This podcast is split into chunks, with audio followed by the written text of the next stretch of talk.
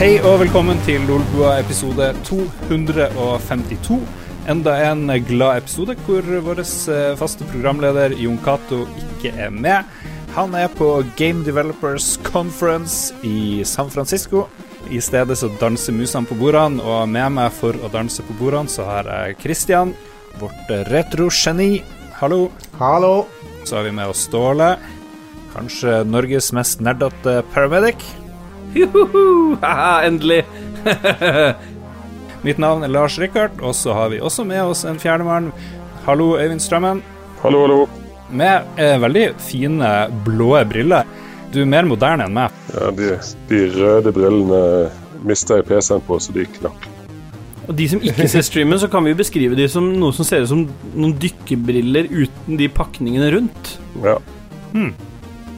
Denne uka så får du en meget variert sending. Vi skal eh, barkere, hylle Jeg vet ikke at internett er 30 år. Vi skal som vanlig snakke om det vi har spilt i det siste, og vi skal komme med anbefaling av bøker, TV-serier og alt mulig rart som kan gjøre livet ditt bedre. Og vi skal ta for oss det som er din spesialitet.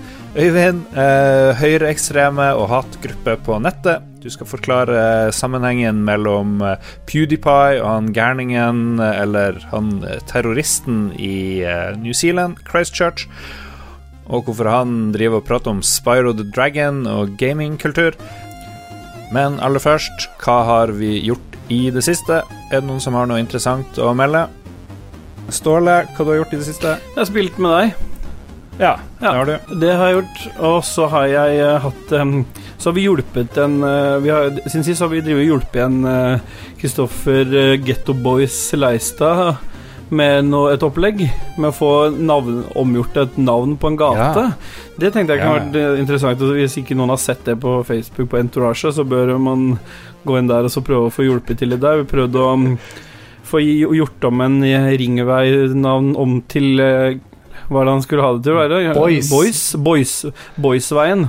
B-O-I-Z. Ja, og da i den prosessen der så har jeg fått mm, hovedansvaret for mailkorrespondanse med en Grete, som tydeligvis har med dette å gjøre, for hun hang seg på meg. I kommunen. Kultursjefen i kommunen. Hun er på fjerde mailen nå for å spørre hvilken bakgrunn eh, han Boys har for og hvordan tilhørighet han har i Ja. lokalsamfunn og litt forskjellig. Den siste mailen så smørte jeg på litt ekstra og sa at det er viktig å ha litt moderne preg på en gatenavn om en lokal kjent person og litt sånn, så det, vi får se hva det blir til. Men eh, Fjerde, fjerde mailen, da har du vel allerede spurt hva hun har på seg, eller hva?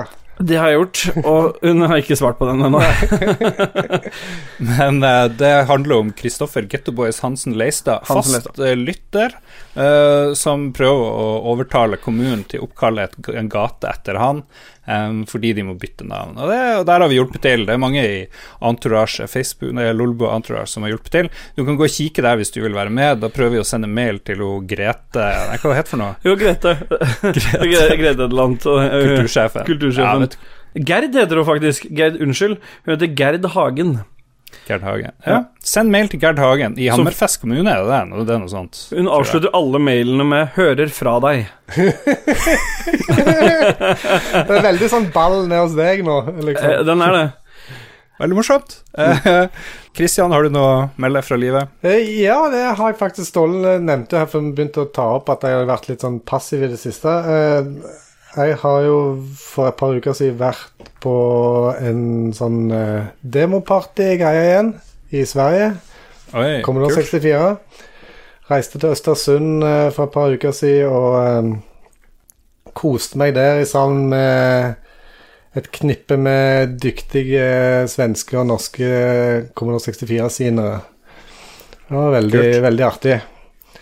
Var Var du, eh, slapp du en demo, eller viste du frem noe kult eh, du hadde lagd? jeg reiste helt tomhendt, og så hadde jeg en eh, liten layover i Stockholm på tre timer, så da satt jeg på O'Learys der og begynte å programmere et eller annet, og det ble en sånn Vi kaller det en sånn partyscroller, altså at det er en del tekst som de som var der, skriver, skriver inn. Sånn slags sit-rap for hva som skjer på party, liksom. Så det var ikke noen sånn seriøse greier. Men det var nok av uh, fete bidrag både når det gjelder musikk og grafikk og demoer. Det var imponerende, egentlig.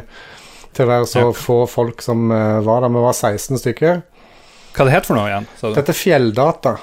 Mm. Hvor gammel er dere, og hvor full blir dere? Jeg tenker Dere er så gamle nå at det blir sånn i seng klokka ti og litt sånn. Nei, det er, jeg, jeg, Halv elleve, men jeg, ga, meg, ga meg vel eh, i ett-tida første kvelden, tror jeg, og i tre, to eller tre-tida kvelden etter. Men eh, jeg vet at det var noen som holdt det gående sånn til fem og sånt. Og de, de, det gikk mye i sånn fireball, eh, sprit og litt forskjellig, så Ja. det var en hyggelig stemning. Men det er selvfølgelig det er ikke sånn vi er såpass voksne at det blir ikke sånn rølp at vi velter bordene og eh, kaster ting rundt. Ja. Eh, jeg skal være veldig kort. Jeg har kjøpt meg ski. Uh, drev og snakka om ski forrige uke, så nå har jeg gått til innkjøp. Uh, sånn her felleski Fischer. Det tok en halvtime, og så hadde jeg skrapa de ganske opp. For jeg tenkte jeg kan jo gå på ski ned hjem til huset, men På jeg grusen. glemte at det var. Glemte at det var sykt mye grus. Fy fader. Er det mulig? Ja, det. Men la oss hoppe til vår eh, gjest, Øyvind Strømmen. Vi gikk på skole i lag på journalistutdanninga i Stavanger. Jeg har omtrent ikke snakka med deg siden sist, så det her er jo gull. Tid og anledning til å catch up. Hva, hva, hvor bor du? Hva gjør du? Eh, fortell litt fra ditt liv. Nei, jeg har flytta hjem til Vestlandet sånn etter hvert, eh, etter å ha vært ute i verden. Eh, Så jeg bor i Samnanger, en liten eh, vestlandskommune. Okay. Og eh, så har jeg jo drevet som frilanser og jobba mye med ekstremisme, men nå har jeg blitt informasjonsrådgiver, som det heter fint. I Ah, shit. Kvam Merad, så jeg har skifta side til fienden. Oh my god. En av liksom de kule journalistene i Norge jobba med ekstremisme. eh, Sånn der eh, Behring Breivik, du var på TV og snakka masse om Breivik. Nei, drit i det. Går ikke an å leve av det. Nå skal jeg jobbe for kommunen og være informasjonsrådgiver. Det er sånn er det. Ja. Det er sånn Det er kanskje litt mer, kanskje litt mer muntert. Tja, ja. Er det en munter kommune? Kvam herad? Ja, det er muntre kollegaer, så det trives bra. Og så driver vi nå på med diverse andre ting. Eh, ekstremisme på fritida. Det høres veldig bra ut. Det passer jo rett inn her. Får du tid til noe nerding? Um, Gama du en stund?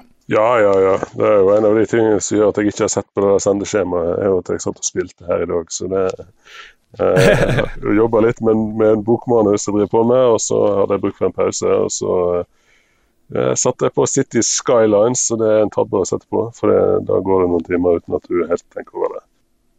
Vi skal snakke mer om hva jeg og, og Øyvind og alle andre har spilt i det siste, og vi skal anbefale noen kule ting.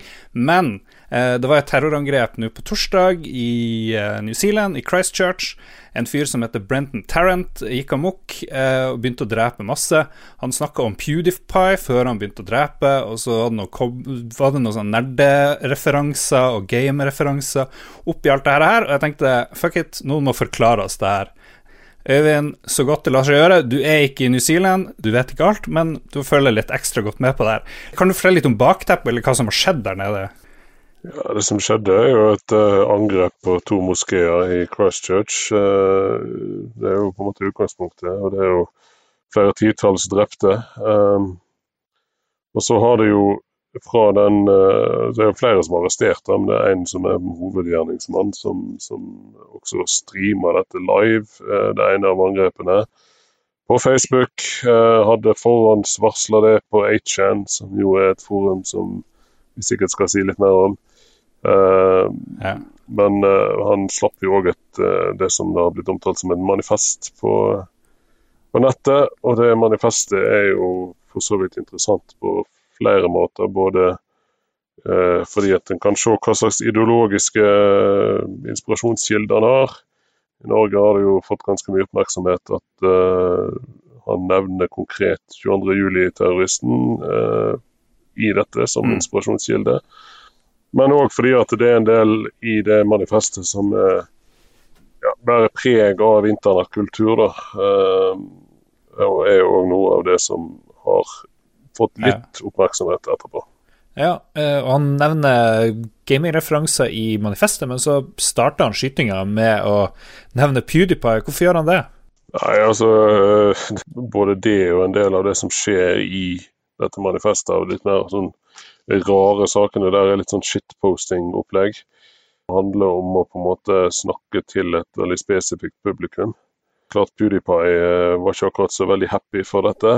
Flere ting i, der, eh, i den teksten skriver på en måte Han skriver seg inn i en større historie. Det, det, er helt, eh, det, er ikke helt, uvanlig det for for høyreekstreme terrorister som agerer på egen hånd. Så her er det jo litt, litt ting som er litt mer uklart da, fremdeles. Men, men, samtidig så er det jo noe med å sette seg inn i en sammenheng og, og på en måte og komme med referanser og forsøke å dra andre inn i budskapet sitt. da. Hva du tenker på, Ståle? Nei, jeg bare sier du, du var litt sånn stilte spørsmålstegn med PewDiePie.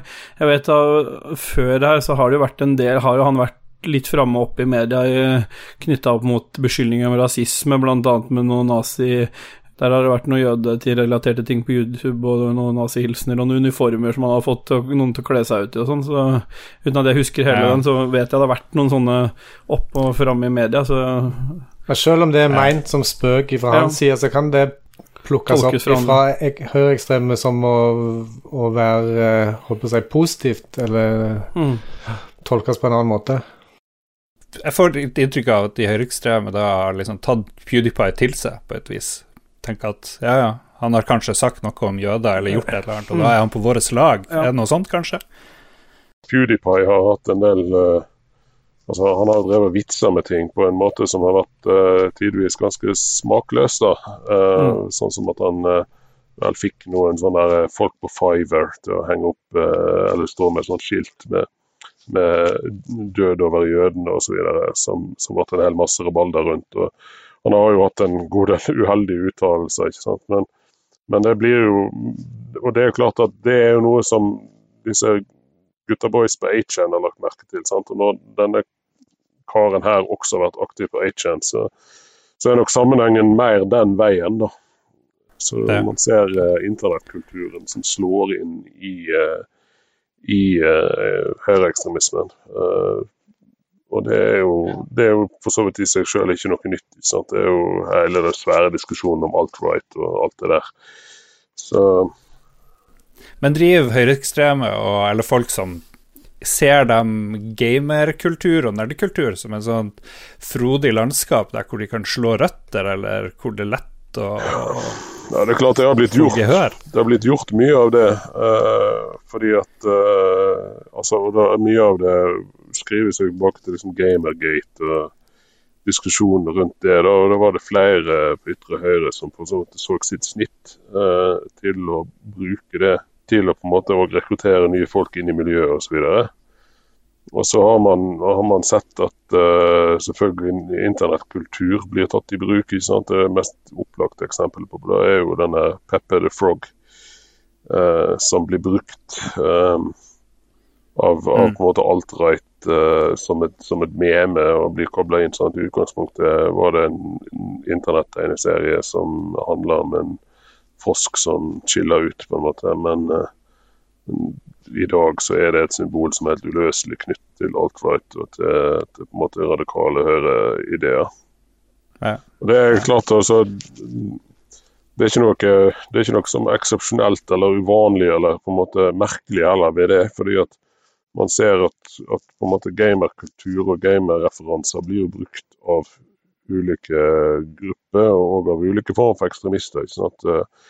Den her såkalte islamske staten har gjort seg masse bruk av både spillreferanser og filmreferanser og den type ting, de også. Um, og det, det, er jo en måte å det er en måte å snakke til et publikum på, og, og på en måte snakke på et språk som, som det tenkte publikummet kjenner igjen.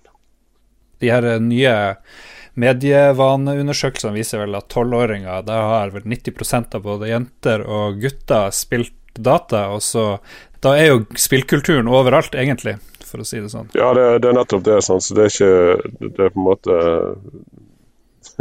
Det er ikke på en måte noe med spillkulturen i seg sjøl som, som, gjør dette, men men samtidig så er det sånn at det, det er en kultur som er så allestedsnærværende, og ikke minst eh, blant yngre generasjoner, at den selvfølgelig blir det tatt i bruk. og så er det klart at Gamergates, som jo handler om veldig mye forskjellig, men det handler jo ja, Det var mye kvinneforakt ute og gikk eh, når man så etter hva som var der. Um, og, den, og der er det jo klart at der var det jo diverse både ytre høyre-personligheter og en del andre som spilte opp det og så seg tjent med å spille opp det for å på en måte bruke det som rekrutteringsgrunnlag. Men da er vi jo på en måte i det landskapet som, som er mer sånn 4chan-landskapet. Mens her så kommer vi jo inn på 8chan, og da er det jo på en måte Ja, da, da kommer vi jo et hakk lenger ut i um, mm. ut i noe, ut i et landskap som er veldig ubehagelig, da. Ja, jeg vet veldig lite om HN, men det er sånn pedofili og det er høyreekstremisme Det er liksom de eneste greiene jeg vet om det, mens 4chan er litt mer sånn Kanskje litt mer uskyldig, jeg vet ikke. Det var vel der Gamergate på mange måter starta, men så ble gamergaterne kasta ut, og så hopper de over til det her HN. Eh. Ja, det er på en måte HN blir jo på en måte 4chan for de som syns at 4chan har for mye regler og er for politisk korrekt. Uh, og da kan man jo tenke seg litt hva som er der, da, på en måte. Altså Ståle og Kristian, er det noen av dere som har uh, gjort dere noe Er det noen fremdeles som tenker at det er noe connection mellom dataspilling f.eks.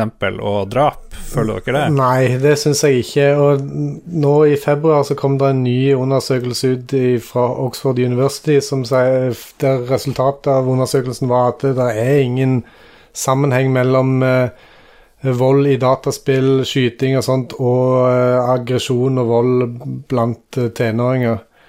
Så uh, jeg vil si at det å eventuelt holdt på å si, stigmatisere alle gamere nå fordi at han der gærningen hadde noen håper jeg, uttalelser og tilknytninger til, til, gaming, så er det, mm. jeg, jeg syns ikke det er riktig, altså. Han skriver jo i manifestet sitt, det er ikke så vanskelig å finne det hvis man ønsker det, så skriver han en sånn Q&A-greie med seg sjøl, og så et spørsmål han stiller seg sjøl, er Were you taught violence and extremism by video games, music, literature and cinema? spørsmålstegn. Uh, yes, Spyro the Dragon 3 taught me ethno-nationalism, og så snakker han om Fortnite og litt sånne ting. Og så sier han bare slutta han med nei, da. Og det er jo litt rart at det er jo, det er jo gått veldig langt når en massemorder sjøl driver og refererer ironisk at uh, spill har ikke gjort han til en morder. Det er liksom, Jeg føler vi har kommet til et eller annet rart punkt. Men jeg tror, det, jeg tror det, det, virker som at det Nå har jeg ikke lest hele manifestet, jeg har skumma litt igjennom. Jeg beit meg merke i det du òg sier nå, at liksom Det er litt, ironisk, og så bare er det no punktum. Men uh, det, det, samme med det PewDiePie-greiene, uh, subscribe til PewDiePie, det òg virker som å være litt sånn jeg skal jo ikke tilegne han noe særlig humor for det. Det, det var en forferdelig ting han gjorde, men det, det òg virker som en, sånn, en, slags bare sånn en uh, ironisk eller humoristisk utsagn som han bare slanger ut uh, mens han satt i bilen rett før han satte i gang, liksom.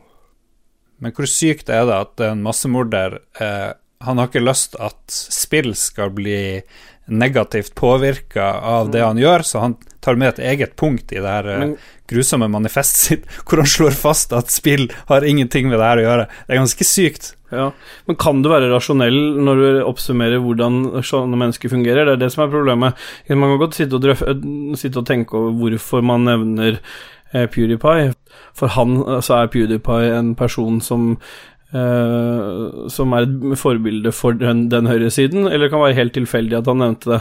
Men spill isolert sett, eller film isolert sett, gjør, jo, gjør deg jo ikke til Får deg ikke til å gjøre handlinger som vi snakker om her. Det, da snakker vi om ganske mange andre miljø og påvirkninger og genetikk, og det er jo helt sikker på at du hadde forska på, på, på, på hodet og hjerne, så hadde du sikkert se, kunnet sett andre endringer hos sånne type mennesker enn hos tror oss. Det? Ja, det tror jeg er ganske sikkert. Eh, at man vil se kan vi bruke frenologi? Kan vi undersøke hodeskallen? Og hva er liksom hva er, I alt det du har lest og, og studert om, om eh, massemord og, og høyreekstreme, er det noe, ser du noen sånn fellesnevner, eller liksom hvor finner du dine tenkte årsaker til hvorfor de gjør det de gjør?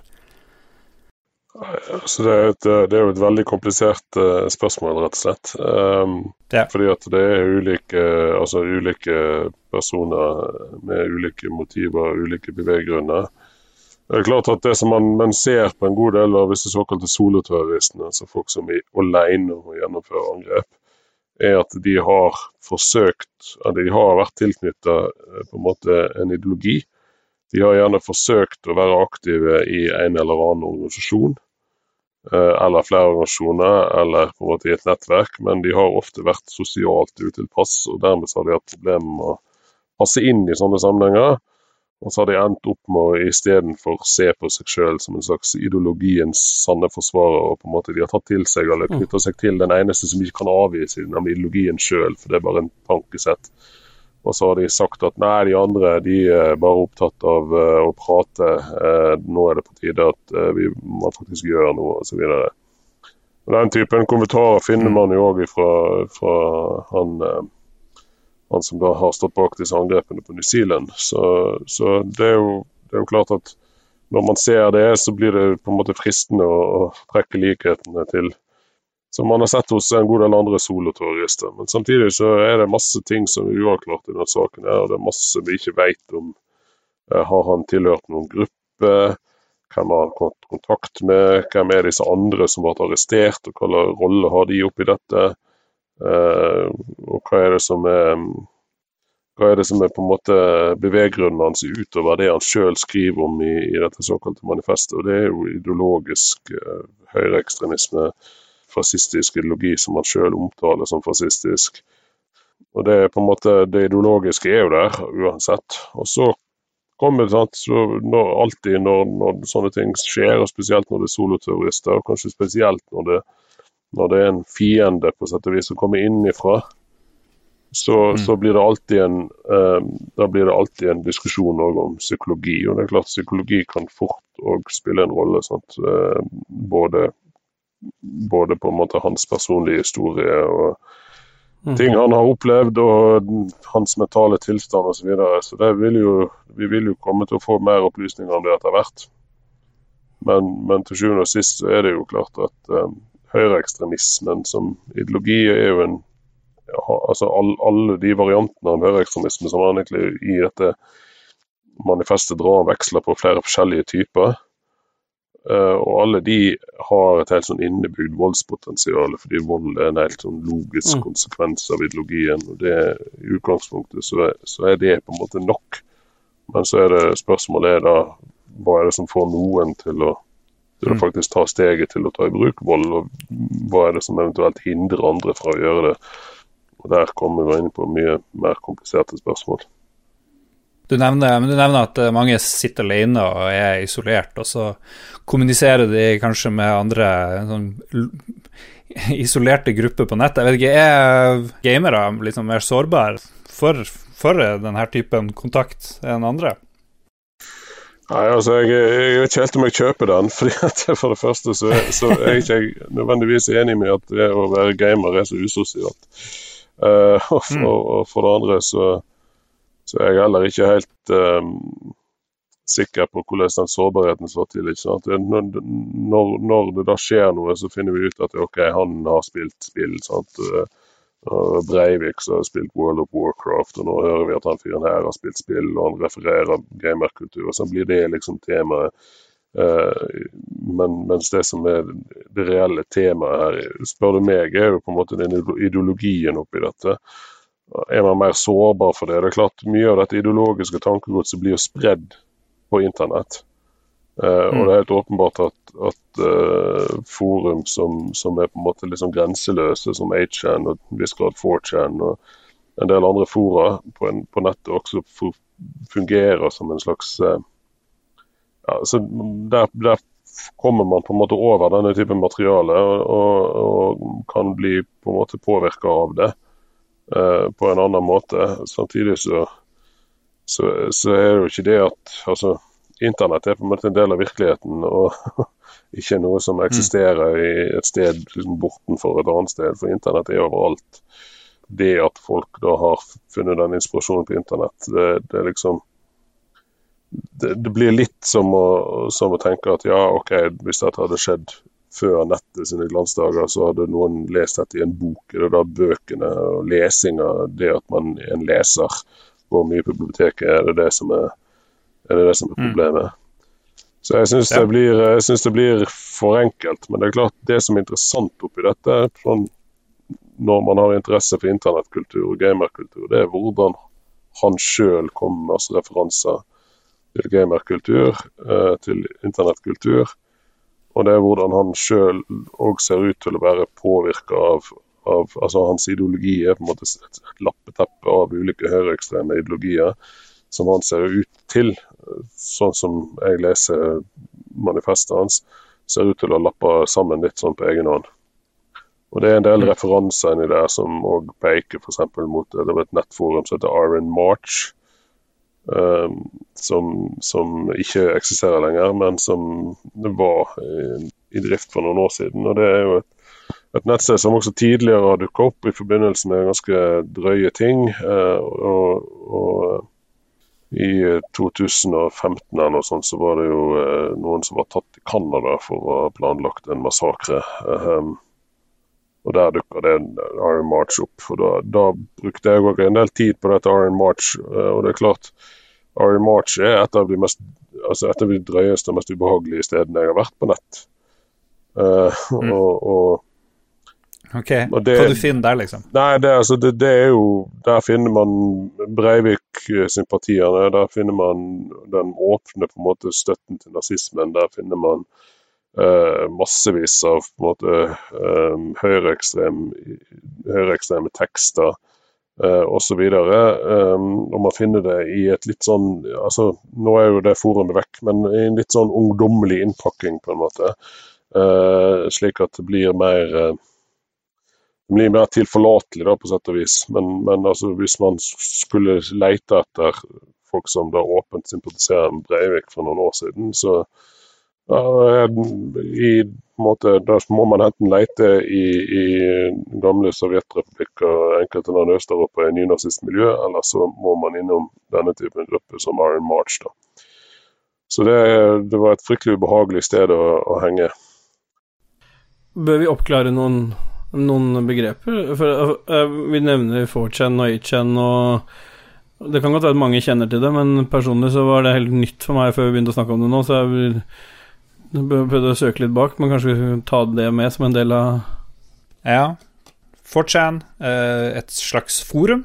Et slags avansert eh, et forum. Du kan starte dine egne tråder om hva som helst i ulike kategorier. Er det så enkelt? Eh? Ja, det er jo egentlig sånn I utgangspunktet var det vel en billeddelingsforum, på sett og vis, og så har det jo utvikla seg fra da.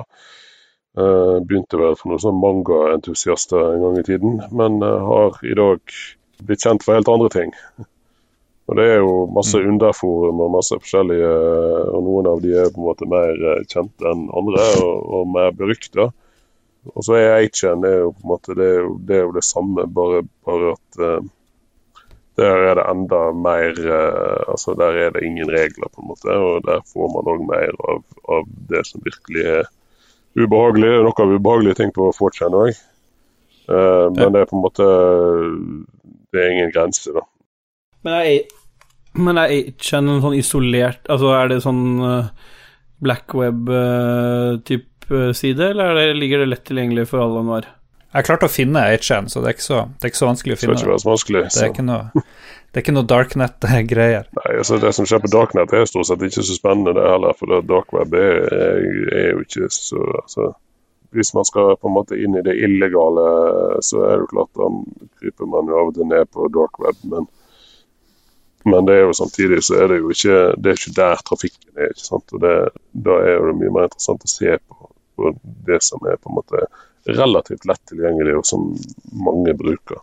Og samtidig så er det òg ingen hemmelighet at ofte så er det sånn at ytterliggående eller ekstreme grupper de har ofte vært det som har vært kalt early adapters. Da, som har vært tidlig med å ta i bruk ny teknologi for å spre sine ideer. ikke sant? Hvis vi går tilbake til 80-tallet, så var, så var høyreekstremistene i Sverige spesielt de var veldig tidlig ute med å drive lokalradio. Uh, og, og, ser man det senere, så er Stormfront, som er en nettside som var etablert i 95 der omkring, før Google, uh, stort høyreekstremt nettsted. Så man ser på en måte at ja, de er tidlig ute Og, Og det er også i bruk av spill som ideologisk budskap finnes det jo en del eksempler på at de har blitt laga høyreekstreme dataspill. De er stort sett veldig dårlige, da, men, mm. men, de, men, de, er, men de, er, der. Ja. Da er vi veldig glad for at vi kan gå videre mm. til noe helt. Vi, vi tar en kjapp pause, og så hører vi på noe hyggelig musikk. Og så skal vi komme tilbake med hva vi har spilt i det siste.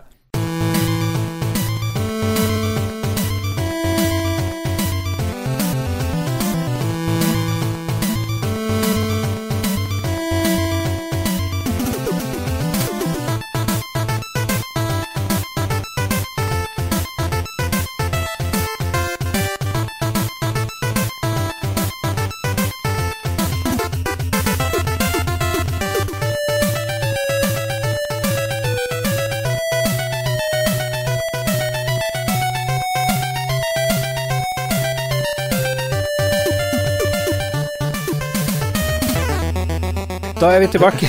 Vi skal snakke om hva vi har spilt i det siste.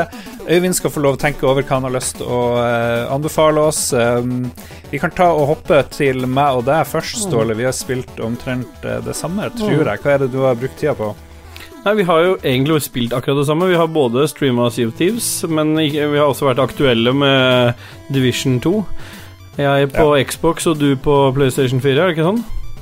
Stemmer og da vil, bare, da vil, jeg bare, få nevnt det, for ellers jeg ikke glemmer det. Så De som spiller på Xbox, har vi nå kommet dit at vi har lagd en Lulebakland selvfølgelig på Xbox òg. Så da finnes det en på PlayStation, på PC og Xbox.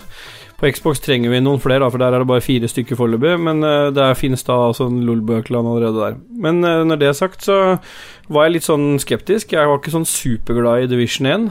Det er jo mm.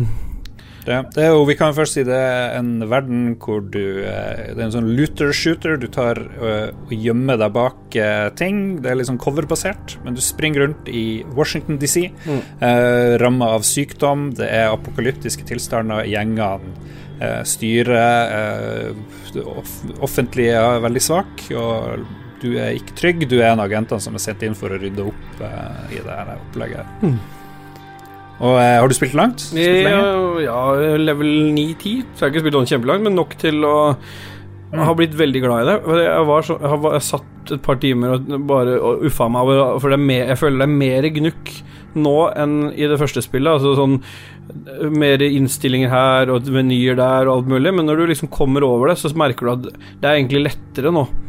Alt fra hvordan våpenmodsa fungerer, til hvordan klasser fungerer, til hvordan skytefølelsen mm. er. Og så ikke minst så trives jeg mye bedre i Washington enn jeg gjør i New York. For det, det, er, mye, det er, litt koseligere. Jeg elsker den værforandringa. At det plutselig blir mørkt, og at det blir litt tåke og regn. Og det, det er, jeg jeg syns spillet er jeg har, jeg har, fått skikkelig god sansen for det spillet, så det blir det mye mer av for min del. Mm. Har du spilt solo, eller spiller Nei, du med noen andre? Jeg har mest spilt med noen andre, og da har vi egentlig vært fullt, fullt sett. Jeg føler at jeg får ikke med meg så mye av verden. Hvis jeg springer med noen andre, så blir det fort litt sånn kaos, og vi må bare burne så fort vi klarer gjennom uh, de her Ikke at handlinga er så veldig bra, da, men uh, Nei, men, men, det du sier, der, er en åpenbar svakhet. Hvis du kommer ny inn i spillet her, så må du jo foreslå at du ikke spiller med randoms i starten. Jeg vil påstå at det er faktisk bedre å ta seg tida de første timene aleine. Du skal forholde deg til så mye systemer, du skal hit og dit, og så kanskje har du lyst til å få med deg litt hva, hvorfor gjør vi det vi egentlig gjør. Og da spiller du med tilfeldige folk, da, så løper de bare av gårde, og så spåner du etter, og så får du ikke med deg alt, og så blir det veldig sånn ja. kaotisk. Nå har jeg spilt med fire kompiser, så vi har jo venta på hverandre og ta liksom Da kunne spurt hva som skjedde nå, på en måte, hvis jeg har gått glipp av noe, eller så da har vi liksom hatt tida til å gjøre det. Så ja. men, men, du er jo uh, paramedic, du jobber i ambulanse. Mm. Um, og jeg har kjøpt meg paramedic-outfit. Fordi Føler du at, uh, føler du at Ok, du skulle si noe. Ja, jeg skal si noe. Fordi uh, jeg satt og spilte litt i går etter uh, vår stream. Og så var det, Eller var det i forgårs vi hadde stream, kanskje? Det har ikke så mye å si. Nei, det har ikke så mye å si. For de som hører på det her. Nei, så da sier vi jo bare en eller annen dag. Men eh, det ble en eh, flaske rødvin, og så endte jeg opp med en sånn DLC-lignende greie. Jeg kjøpte meg en sånn der eh, noe in game coin, så det kjøper jeg aldri. Så det, nå har jeg en politioutfit, en sånn uh, korpsoutfit, som det ser, det mest ut som det, og en sånn paramedic-outfit. Altså, alle de ser er tatt rett ut av Når jeg så det i dag, så så de mer tatt ut av uh, fra Village People, så jeg er ikke sånn superfornøyd med kjøpet. Men Og det, det, er kanskje det eneste negative her å si. Det er ikke at man gjør dumme valg, men at man At de har lagt inn så mye kosmetikk Litt à la Apex og alt der. Du kan kjøpe deg coins og kjøpe den hele outfits. Ok, Men du er ekte paramedic. Spiller du føler du at du kan liksom vurdere eh, troverdighet i det her sykdomsutbruddet? Det er jo en sånn pest ja, ikke sant, som dreper mye folk. Føler du ja. at det ser ut som det ville gjort hvis pesten kom til Oslo, f.eks.? Eh, har du gjort deg noen tanker rundt det? Nei, jeg har ikke det. Kjedelig svar. Jeg koser meg bare. Jeg tenker ikke så mye på hva jeg jobber med når jeg plaffer ned masse folk, nei. nei, nei, nei det, var, det var en longshot. Ja, det var det, det var men nei, jeg tenker ikke på det. Jeg har ikke spilt det så veldig mye, så jeg tror vi holder med din beskrivelse. Jeg vil bare si at uh, som en som spilte Destiny Division 1 veldig mye, så føles det veldig likt uh, det her Division 2. Bare at du har bytta en litt sånn mer kjedelig by, syns jeg. Jeg syns det var litt mer gøy å springe rundt i New York. Washington er mer sånn her, ja ja.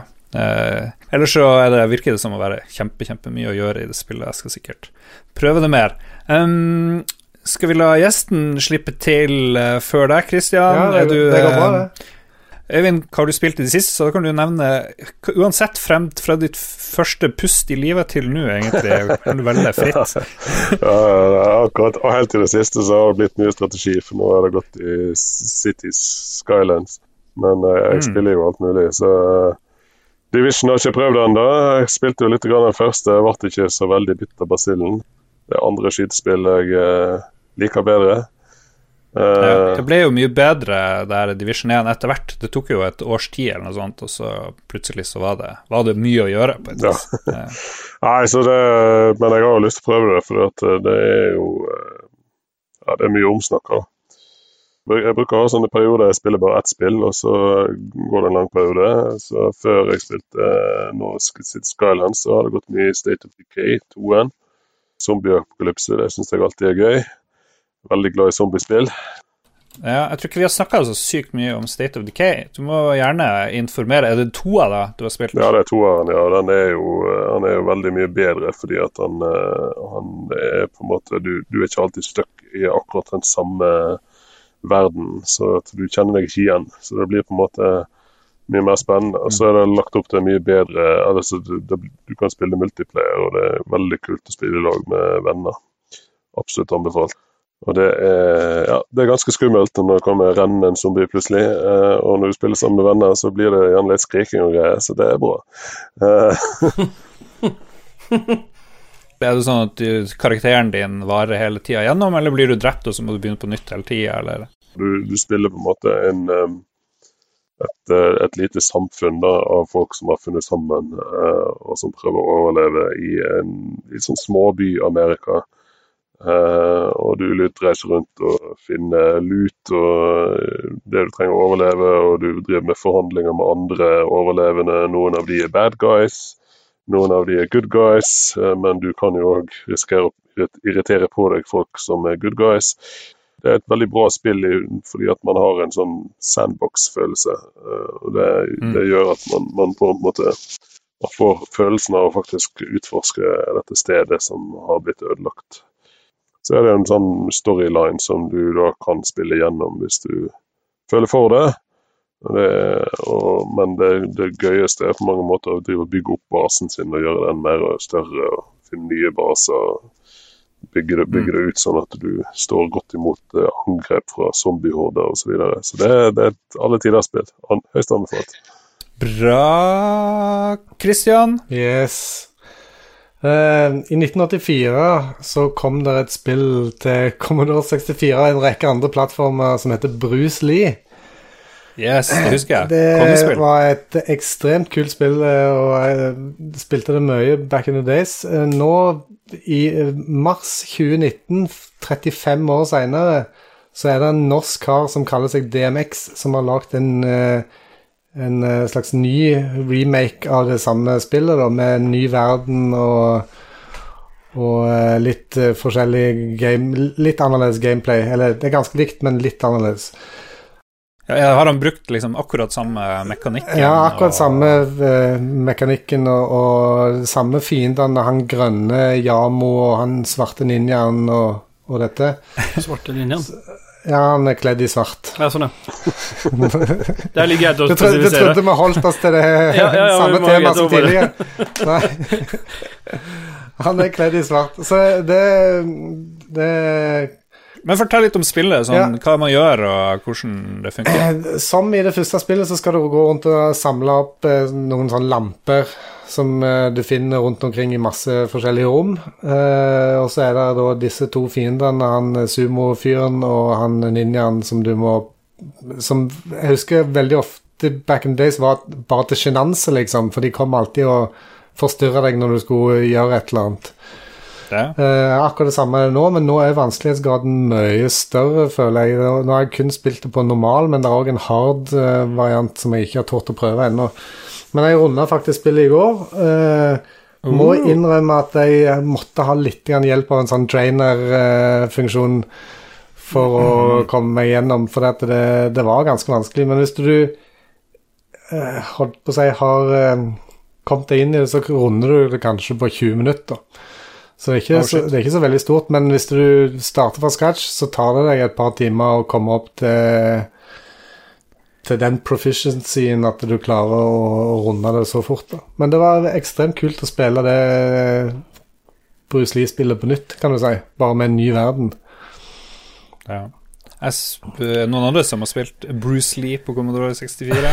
Back in the days? Ståle Nei, har ikke men født, jeg- eh, jeg- jeg. Var ikke, nevnte ikke du i chatten tidligere at det var litt sånn som Dark Souls-aktig? Ja, det ligna litt på det. Ja. Jeg er veldig glad i uh, Commodore 64. Jeg spiller en del uh, på emulator, men Ja. uh, akkurat Bruce Lee Nei. Dette spillet her er faktisk Altså, det, der, der blir jo fremdeles gitt ut spill som er til salgs på Commodore 64, men dette spillet her er jo på en måte bare en slags mod av det gamle, så dette er jo bare gitt ut eh, helt gratis, og dette kan en spille i emulator hvis en vil det. Mm. Laste ned. Kult. Det er jo litt sånn sadistisk. Det er masse sånne pigger. Ja. Det er jo et plattformspill med litt uh, martial arts, og så skal du hoppe og treffe sånne vanskelig tilgjengelige lamper. Og jeg så en video av det her eh, nye, nye Bruce Lee, og det så jævlig vanskelig ut. piggene er enda vanskeligere enn tidligere. Jeg, det, åh, det, jeg var ganske frustrert når jeg satt og spilte det. Altså. For det er et sted på det andre rommet du kommer til, der dauer jeg som regel alltid en eller to ganger uansett. Liksom, Jeg klarer ikke å hoppe på rett tidspunkt. Og du, eh, kjenner du det nøkket i eh, spillfingeren, Ståle? Ja. Jeg gjør det. Jeg lurer på hvor det blir av den eh, den Commandore 64-podkasten vi ble lova for snart et år siden, tid siden, jeg. Når jeg hører dette her. For dere snakka dere om store planer om å lage du vil gjerne ha det ut av det vanlige LOL-bua, sånn at du slipper å forholde deg til Commodore 64. Det var ikke det jeg sa, men det kan det Bare Sea of Thieves. Ja, det kan vi lage en egen vri på senere, men eh, Kjenner du han der DMX? Eller hva Nei, jeg gjør faktisk ikke det. Det var helt ukjent for meg at en nordmann drev på med dette her. Og jeg vet uh, Etter at uh, den GDPR-greia slo inn, så er, alle real names fjerna fra de databasene der alle disse signerne har navnene sine. Så det at, eh, nå, kjent, nå vet jeg bare at han heter DMX, så jeg aner ikke hvem han er.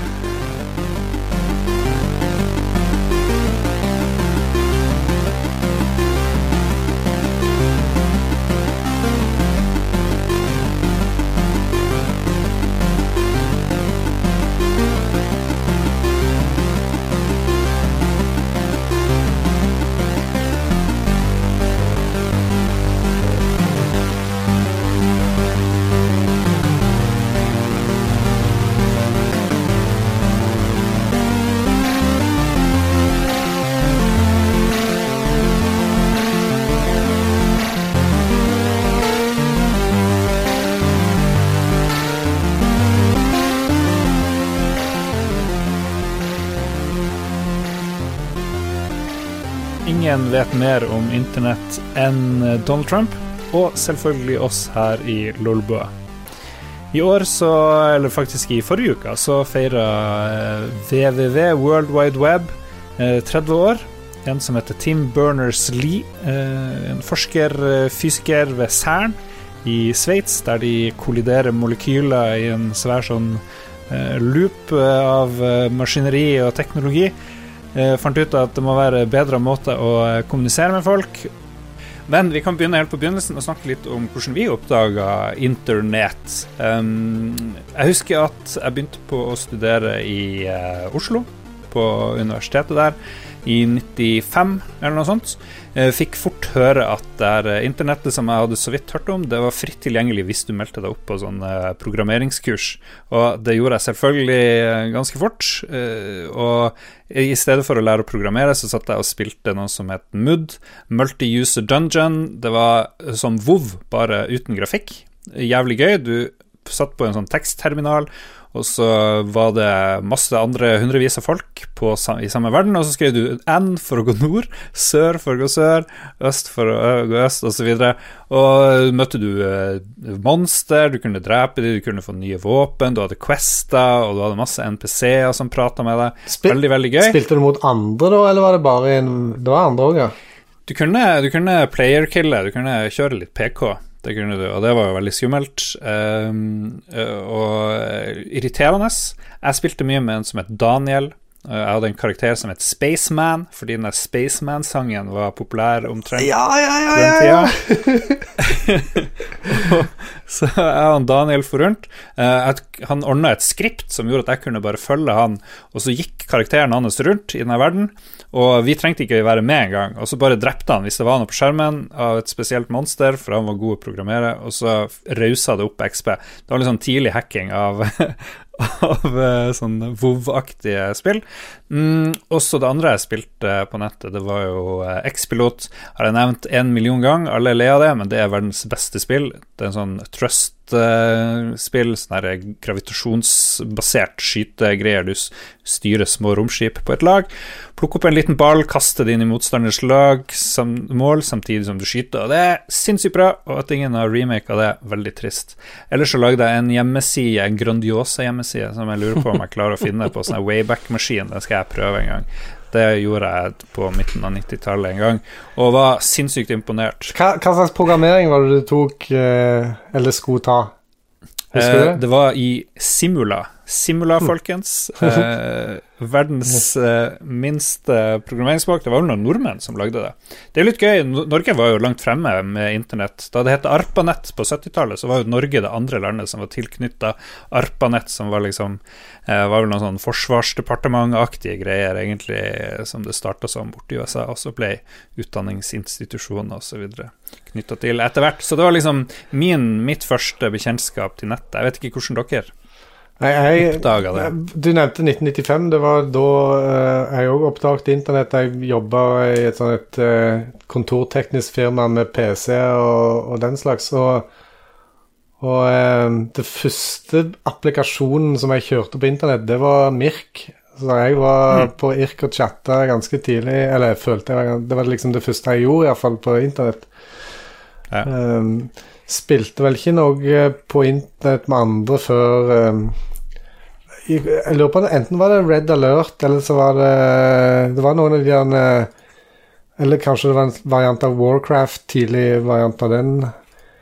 Ja. Der du kunne spille mot hverandre, liksom. Men uh, altså, ja. ja. bare Litt viktig så ikke du får sånn hatmail på dette her. Du snakka om det er 30 år med in eh, internett, men internett eh, er, i seg selv er tilbake fra 1969, så det er enda større jubileum. Men du snakker ja. om rent www. Den delen av internett, den er fra 1989, bare sånn at vi har presisert ja. det. World Wide Web, som du refererte Absolutt. til. Det er nettet som vi kjenner til i dag. Riktig, men sånn. internett i seg selv har, uh, har altså jubileum i år, for det er fra 1969. Og da kan jeg dra videre til at min første internetterfaring var, um, var ganske tidlig. Jeg er jo den yngste 2007. Jeg er født i 85, så jeg husker stefar hadde introdusert en sånn Macintosh nedi kjellerleiligheten der vi hadde rom, og så vise, mm. fikk jeg en liten sånn introduksjon i hvordan det fungerte, og hvordan man søkte, og det var jo litt mer tungvint uh, søkemetode enn man har i dag, husker jeg. Men uh, det første en ung gutt uh, søker på når han får mulighet, det er sånn tilgjengelig. Det er jo i kjent i min stil, så var jo det Så var det selvfølgelig nudes. nudes. Det var det første som skulle klikkes inn. Jeg husker det var ikke så mye Pornhub og så etc., men det var lett å finne bilder. Husker Jeg det var, jeg ble ganske god på å søke opp ja, det var bilde opp og bilde ned. Så, så porno for meg var det første internett... Uh, Bruksområde, ja. ja, bruksområdet. Det var, og det var også den første gangen jeg liksom lærte meg å skjule skjule loggen min lærte jeg ganske tidlig, for jeg hadde en stefar som ikke pleide å legge noe imellom. Så han kom ned en gang og sa at det var veldig fint om jeg liksom sletta loggen, så alt det gamle slapp å komme opp hele tiden. Det, så det er også en sånn god erfaring å ta med seg videre. Men det var liksom Det ville forma meg litt, at det er det første min første uh, øh, WWW-opplevelse, hvis vi skal være korrekt her. Øyvind, har du husket var det noen banebrytende opplevelser du husker fra Ja, jeg hadde jo lest om dette internett i type PC World eller noe sånt. Uh, så mm. det var i 96 jeg kom på dette første gang jeg begynte på gymnaset. Så der hadde man uh, internett i en sånn, uh, sånn datarom, og det var åpent i store fri. så da var det å sitte der. Og Det er jo litt fascinerende at eh, det var jo Nå snakker man mye om sosiale medier osv., men det første man begynte å bruke, var jo sånne chatteplattformer. Mm. Uh, Aramak brukte, det, brukte vi, sånn, jeg tror var basert i Malaysia. Men uh, eh, iallfall uh, mye, mye chatting der. Irk, Irk, uh, var Irk, var ikke den? Ja, Irken kom jo òg Vi begynte jo med den òg, sånn etter hvert. Mm.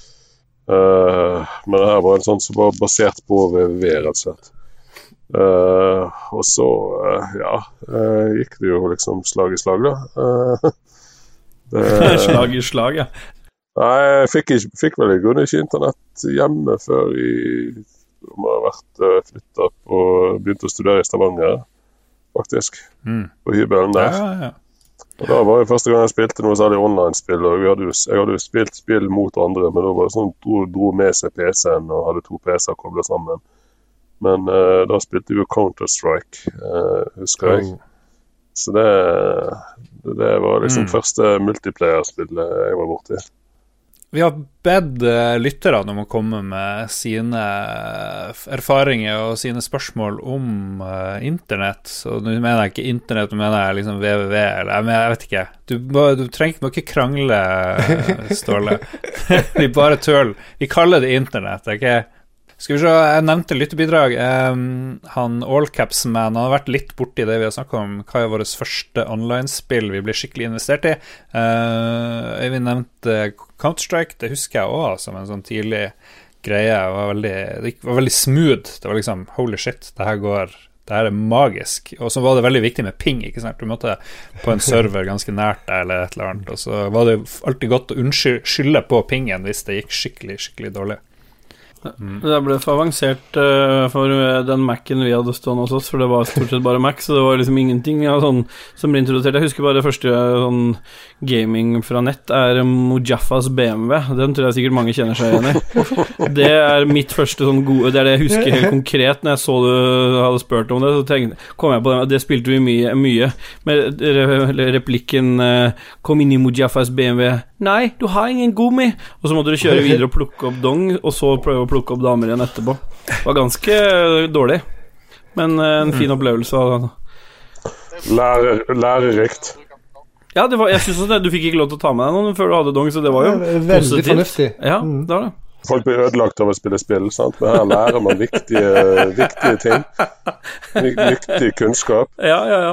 Jeg kan ikke bare si dårlige ting. Om spill. Uh, vår nye venn Salman Forrest Han vil ha mer snakk om porno, men jeg føler det er nok der. Ja. Frode Oppsal uh, Han husker at han kom på nettet i 95, og han hadde nøkkelkort til lokalavisa der han jobba. Uh, så midt på natta etter å ha vært på puben, så var det opp for å se på porno. Ja, så, sånn. ja, det... Da ble det mer porno likevel. uh, Morten Bekkelund eh, var på noe BBS. Det, vi har ikke snakka om BBS, det var jo liksom internett før internett. Da ringte du opp eh, andre maskiner, egentlig. Som eh, andre ringte opp, og så kunne man utveksle info. Og da sier han at fattern konfiskerte modemet etter første telefonregning, og det var jo helt standard, husker jeg. Ja, det var, det var drøyt. I begynnelsen så var det jo alt på dial-up, så at du eh, Når du måtte dele telefonlinja sammen med andre familiemedlemmer, og i tillegg fikk en eh, ja. en backslash når det regningen kom et par måneder etterpå, det var aldri noe gøy. Ja, Kim Baumann Larsen har lag, skrevet en sånn novelle til oss her. Skal vi se På andre halvdel av 80-tallet så hadde han som studdass eh, tilgang til arkitektur- og designhøgskolen i Oslo sitt eh, eneste modem. Uh, og når Gopher-protokollen for utveksling av informasjon kom i 91, så begynte han å bruke den til å finne noe mer matnyttig data, og det mente han var forløperen til World Wide Web. Uh, og der var det sider med lenke til andre sider og dokumenter. Uh, det første online-spillet han spilte, var Bolo. Det var utvikla original for BBC Microcomputer modell B, som hadde. Men det var Mac-versjonen ja, som virkelig var det, Mac det var en Mac-versjon! så, så Mac-versjonen tok virkelig av, hvor han brukte Apple Talk og Name Binding Protocol, som gjorde det enkelt å finne andre servere og andre spillere online kanonbra gameplay. Vi må finne det Bolo, det må vi finne ut. Bolo mot venner og ukjente på slutten av 80-tallet. Så der har vi en som var tidlig ute, og det er respekt til Kim Bauman, altså. Um, men når vi først har snakka om alt det grusomme folk gjør på nett med å dele masseskytinger og sånne ting, er, det, er det noe vei tilbake?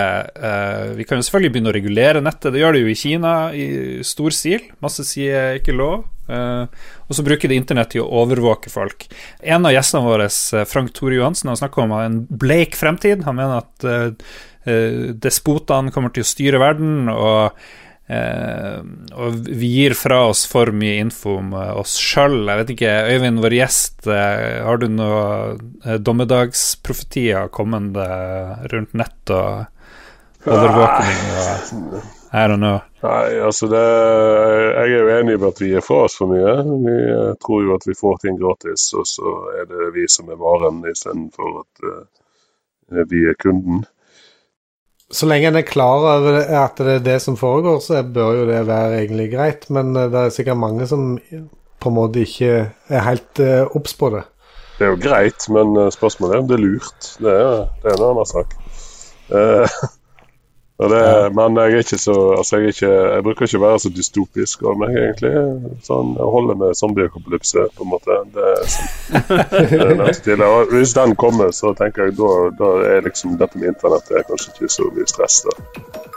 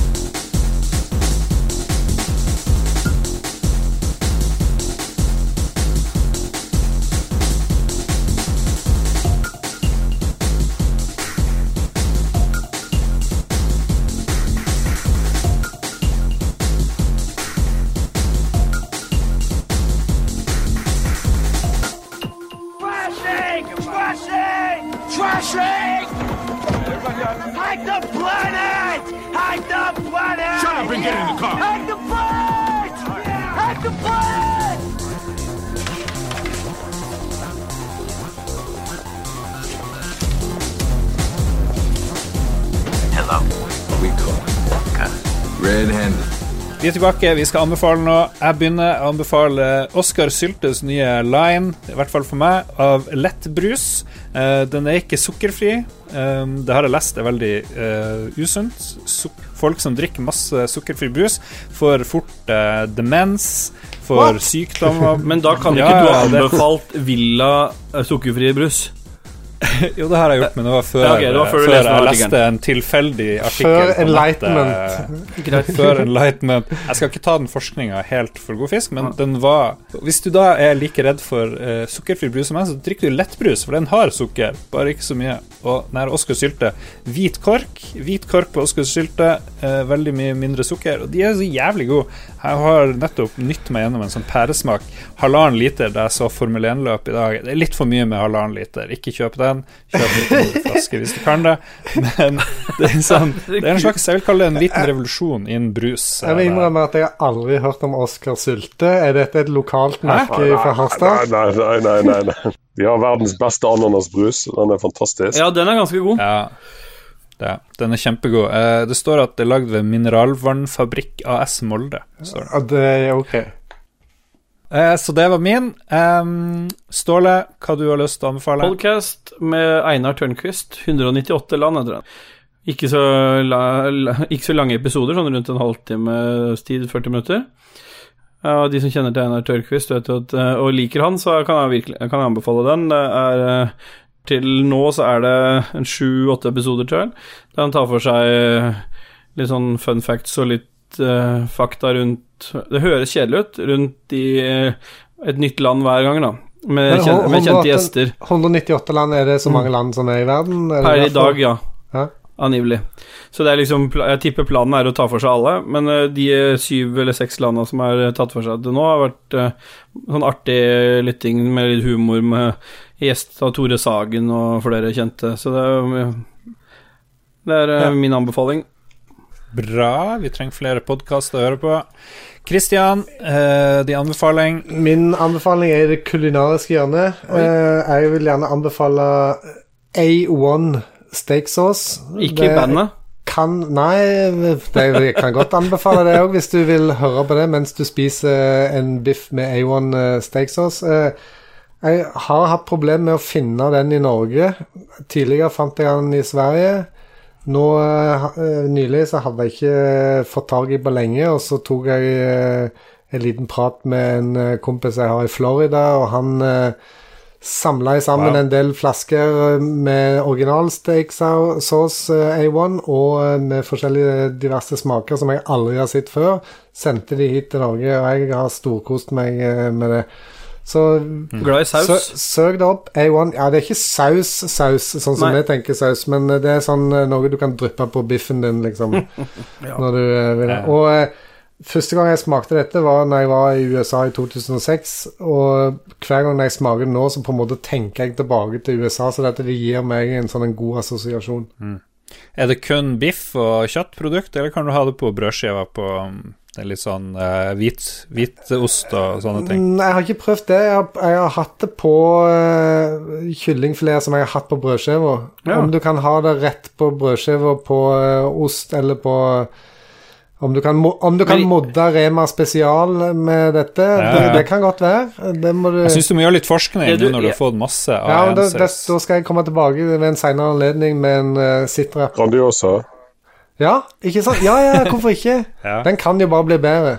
Ok, Yes. Uh, Øyvind, du får gleden av å komme med den siste og beste anbefalingen. Ja, om han er best, vet jeg ikke. Jeg tenkte kanskje det er noen som liker å lese fantasy. Og Ja. i så fall så uh, har eh, mannen jeg aldri klarer å bli enig med meg sjøl om hvordan uttales etternavnet på, Raymond Feist, eller Feast, alt etter som. Han har kommet med en eh, ny bokserie. Den andre boka kommer nå til sommeren. Den eh, første kom i seint i fjor en gang. Og den er, for de som liker Rømme Fist, veldig bra. Absolutt anbefalt. Eh, skikkelig eventyr. Litt sånn Tolkien-stil. Og det kan man like etter at det har vært altfor mye sånn Altfor mye Game of Thrones der alle blir drept og alt det er kjipt. Eh, her er ting litt mindre kjipt. Det er mye død, men eh, stort sett eh, går det bra.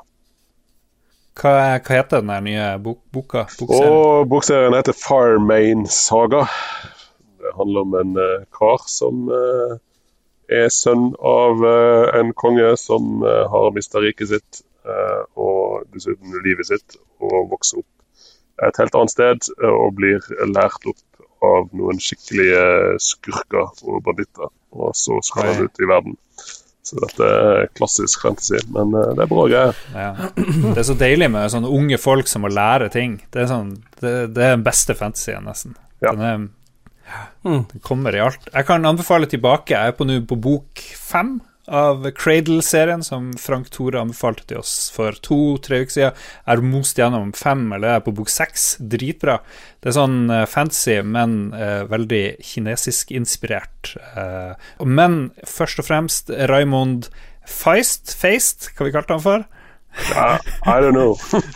Noe sånt.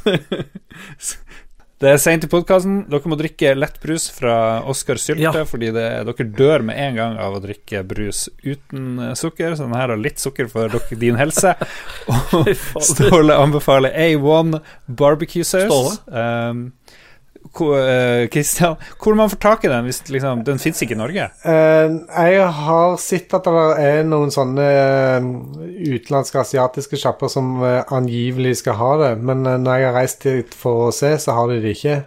Så Men Tidligere fant jeg det på Maximat i Sverige, men der har jeg ikke funnet det på lenge. Så eBay, kanskje. Men eller forsvare, vi kan forsvare Christians anbefaling litt. da Så Sannsynligheten for at det, det er eh, Vanligvis har jo Lars anbefalt litt lokale ting fra Harstad. Og det er ofte billigere å fly til USA tur-retur enn å fly tur-retur Harstad fra Ja. Oslo. Så sånn sett så er det jo ikke noe problem å få tak i det på det grunnlaget. Absolutt. ja. Da tror jeg vi begynner å si takk for oss, altså. Det var en uh, strålende og fremdeles litt uh, depressiv podkast. beklager at trenden fortsetter. Vi hadde jo I forrige uke så avslutta vi vår fremtidstrilogi, der vi så på miljø, vi så på uh, fiksjon, fremtid, og vi så på apokalypse, og det var ganske mye drit. Og i denne sendinga blir det òg litt drit, men uh, fuck it, vi må jo ta for oss det som skjer. Tusen hjertelig takk til Øyvind Strømmen. Uh, er det noe sted man kan følge deg? Er du på Twitter, f.eks., eller noe sånt? Ja, nei, altså jeg, er ikke, på- altså jeg har en konto på Twitter, men jeg skriver ingenting der. Så det er ikke, det er ikke noe vits å følge meg der. Ikke, ikke følg meg der. Bare ikke det. Nei, eh, besøk kommunen. Ja. Hva het kommunen igjen? Kvam-Erad. Nordheimsund, Hardanger, Ja, er mye bra å si om. Veldig bra. Ja, det får bli eh, anbefalinger neste gang, for nå må du jo eh, bli med og fortelle hvordan det går med dine nye spillopplevelser. Eh, Vi sier takk for oss. Eh, hvis du hører det her live, eller veldig snart, så er det kanskje en liten sjanse for at du kan joine oss på episode 250-middagen, som vi skal ha i Oslo 28. mars. Gå til vår Patrion-side, det er en åpen post om du, hvordan du kan få være med. Eh, følg oss på Facebook. Eh, Der har vi en helt vanlig side som heter Lolbua. Vi har også et community som heter Lolbua Entourage. Du kan finne oss på www.lolbua.no på internett, som nå er 30 eller 60 år gammelt, alt etter hvem du snakker med. Eh, og, og, og så videre. Um, ha det bra, alle sammen. Ha det bra. Mana.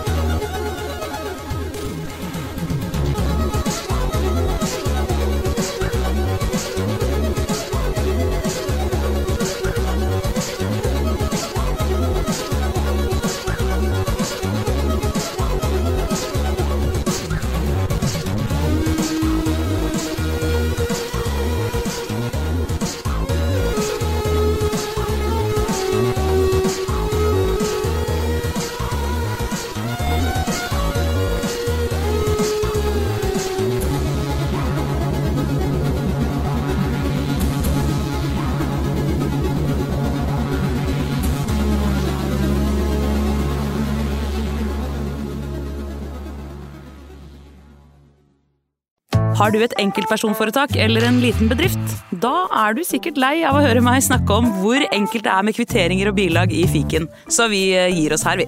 Fordi vi liker enkelt. Fiken superenkelt regnskap.